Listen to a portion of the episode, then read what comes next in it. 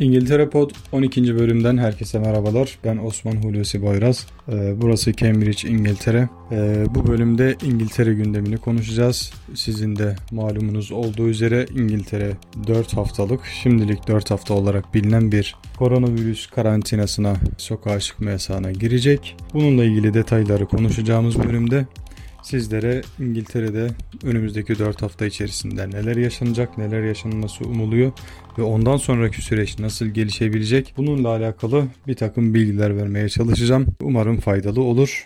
Geçelim bölüme. Başbakan Boris Johnson dün akşam bilim adamlarının ısrarlarına dayanamayarak sonunda sokağa çıkma yasağı ilan etmeyi kabul etti. Ama Boris Johnson'un bu yasaklara, tedbirlere yaklaşımı biraz böyle kural tanımaz, yaramaz çocuklar gibi mecbur kalmadığı sürece bunları kabul etmemeye çalışıyor. Daha doğrusu ülkenin ekonomisini ya da iç piyasasını hareketli tutmak için sağlığı sanki biraz böyle geri plana atıyormuş görüntüsü veriyor. Biliyorsunuz Mart ayının başlarında e, İngiltere Başbakanı Boris Johnson tedbir almamakla suçlanıyordu. Bayağı ağır eleştiriliyordu. Biliyorsunuz bütün dünyada bir anda seyahat yasakları, sokağa çıkma yasakları gibi böyle bir furya başladı.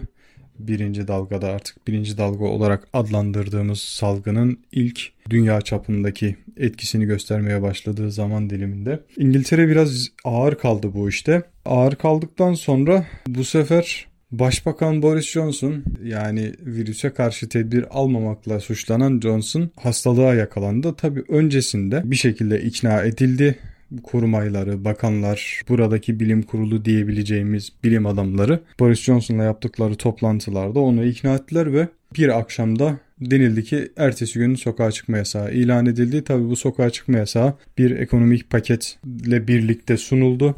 İnsanlara işte e, iş yerlerine onar bin pound para yardımı yapıldı. E, çalışamayan insanlara maaş yardımı yapıldı. Maaşlarının %80'i yapı, e, yardım olarak devlet tarafından verildi. Daha düne kadar yani dün dediğim Ekim ayının son gününe kadar bu yardımlar yapılmıştı.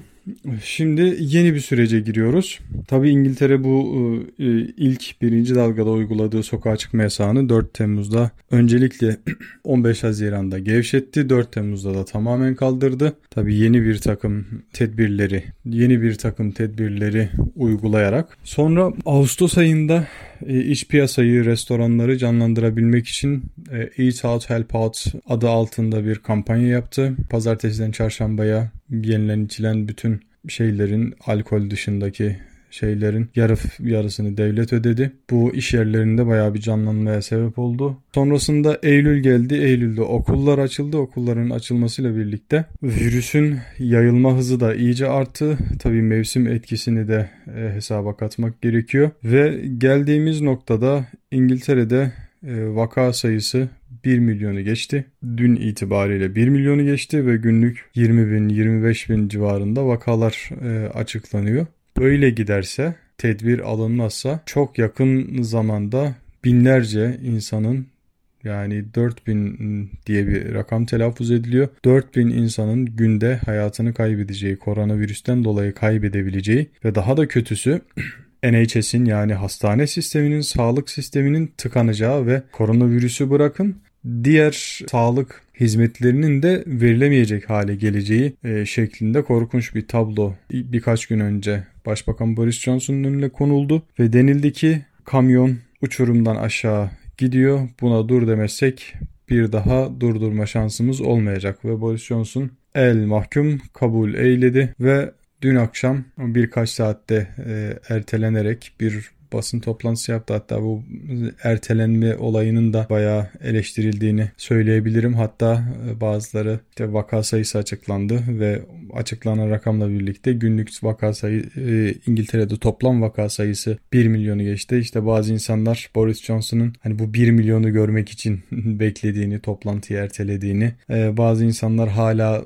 sokağa çıkma yasağı ilan etmemek için direttiğini falan ifade ettiler. Ama Boris Johnson'un da artık yapacak bir şey yoktu ve sokağa çıkma yasağını ilan etti. Nasıl bir sokağa çıkma yasağından bahsediyoruz? Şöyle, öncelikle sokağa çıkma yasağı henüz başlamadı. Ne zaman başlayacak? 5 Kasım günü yani bu çarşambayı perşembeye bağlayan gece yarısı İngiltere'de 4 hafta sürmesi beklenen 2 Aralık'ta bitmesi beklenen sokağa çıkma yasağı resmen uygulanmaya başlayacak. Nasıl uygulanacak? Restoranlar kapatılacak, publar, kafeler, barlar kapatılacak. Elbise satan, satan mağazalar kapatılacak. Çok gerekli olmayan eşyaları satan dükkanlar yani hani acil ihtiyaç olmayan şeyleri gıda ihtiya gıda ürünü gibi olmayan şeyleri satan mağazalar, züccaciyeler, bijuteriler bunlar kapanacak. Bunlar 2 Aralık'a kadar tabi kuaförler, güzellik salonları, berberler, e, bu tür yerler, spor salonları kapatılacak. Yüzme havuzları kapatılacak ve bunun gibi birçok iş yeri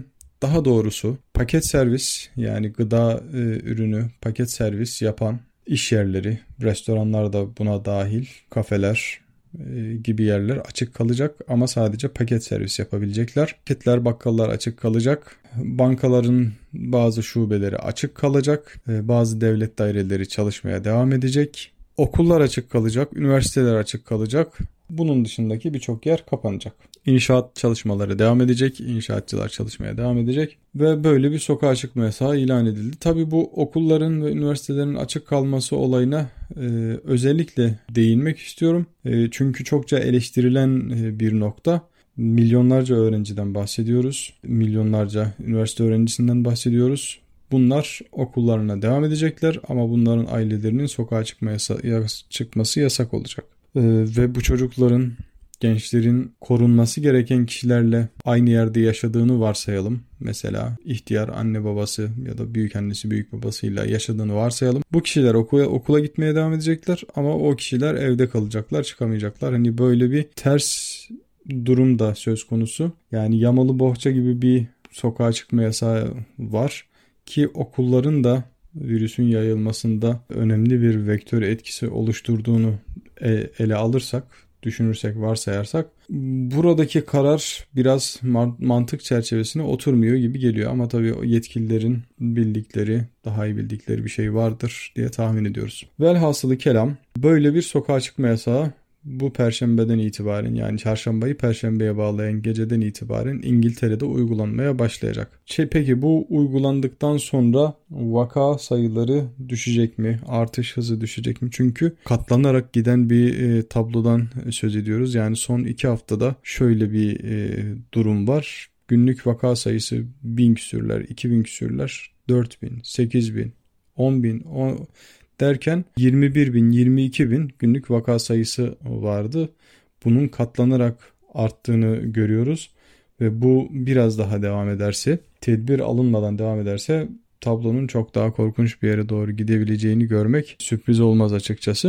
Ee, bunu gördüler ve durdurmaya çalışıyorlar. Peki bu 4 haftanın sonunda ne olacak? Şimdi bir kısım insanlar şunu söylüyor. Bu 4 haftayla bitmez ve hatta bazıları Mart'ın sonuna kadar uzatıla uzatıla gidebileceğini söylüyor. Şimdi birinci lockdown sokağa çıkma yasağı de Mart ayında ilan edildi. 3 hafta denildi ve 3 hafta sonunda tekrardan değerlendirilecek ve uzatılabilecek denildi ki e, öyle oldu. 3 hafta her 3 hafta bir sonraki 3 haftayı takip etti ve gele gele 4 Temmuz'a kadar o sokağa çıkma yasağı devam etti. Yani Mart'tan Temmuz'a kadar bir 4-5 aylık bir süreçten bahsediyoruz. Şimdi e, benzer bir durum olabilir. İş, iş dünyasında bunun çekincesi var. Hükümet bunu e, yapmaya yanaşmayacak ama mecbur kaldığı noktada da e, önünde duramayacak diye tahmin ediyorum. Zaten İngiltere'de perakende sektörü son nefeslerini vermek üzereyken böyle bir durumda yani sağlık bir tarafa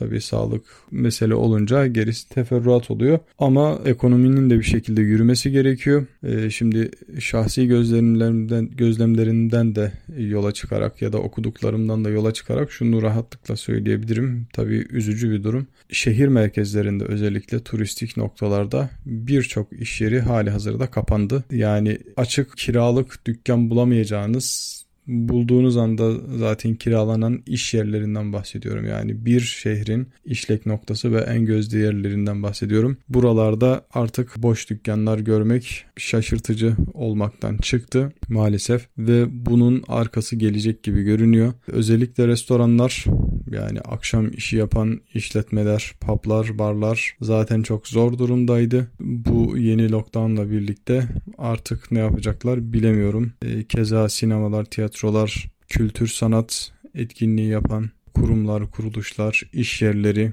e, elbise mağazaları bu gibi yerler son derece zor durumdalar. Bunun dışında bireysel çalışan insanlar da çok e, sıkıntı çekiyor. Taksicilerin iş yapamadığını gözlemliyorum.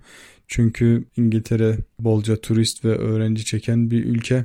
Bunlar olmayınca e, insanlar bir de sokağa çıkma yasağı olunca insanlar daha az seyahat edince taksiciler iş yapamıyorlar. Böyle bir sıkıntı yaşıyorlar. Bununla birlikte yani genel olarak İngiltere iç piyasası e, sıkıntıda ve açıklanan yeni e, sokağa çıkma yasağı kapsamında herhangi bir ekonomik paket açıklanmadı. Yani sadece şu devam ettirildi. Dün itibariyle bitmiş olan maaş yardımı bir ay daha uzatıldı. Çalışanlar adına en azından sevindirici bir haber var. Maaşlarının %80'i devlet tarafından ödeniyordu. Bir ay daha ödenmeye devam edecek. Ola ki sokağa çıkma yasağı ilan tekrardan uzatılırsa bunun da tekrardan uzatılacağını tahmin etmek e, zor olmasa gerek.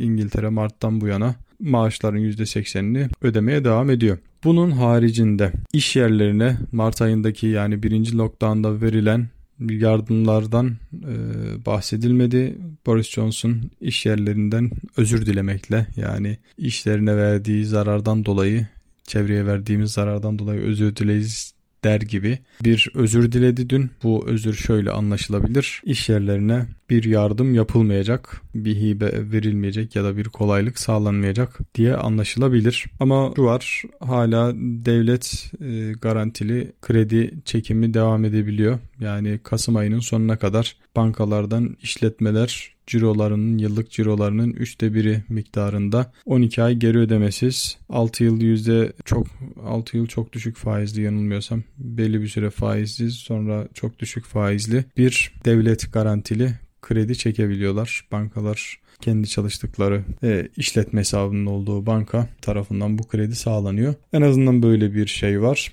Kredi almayı düşünen işletmeler için. Onun haricinde e, işletmeler başının çaresine bakmak durumundalar. İngiltere'nin şu anda bunun dışında bir gündemi olduğunu zannetmiyorum. Benim gördüğüm yok. Herkes bunu konuşuyor. Bazı aileler okulların açık tutulmasına tepkili. Ortam düzelene kadar çocuklarını okula göndermeyi reddeden aileler var. Ve zor bir zaman bizi bekliyor.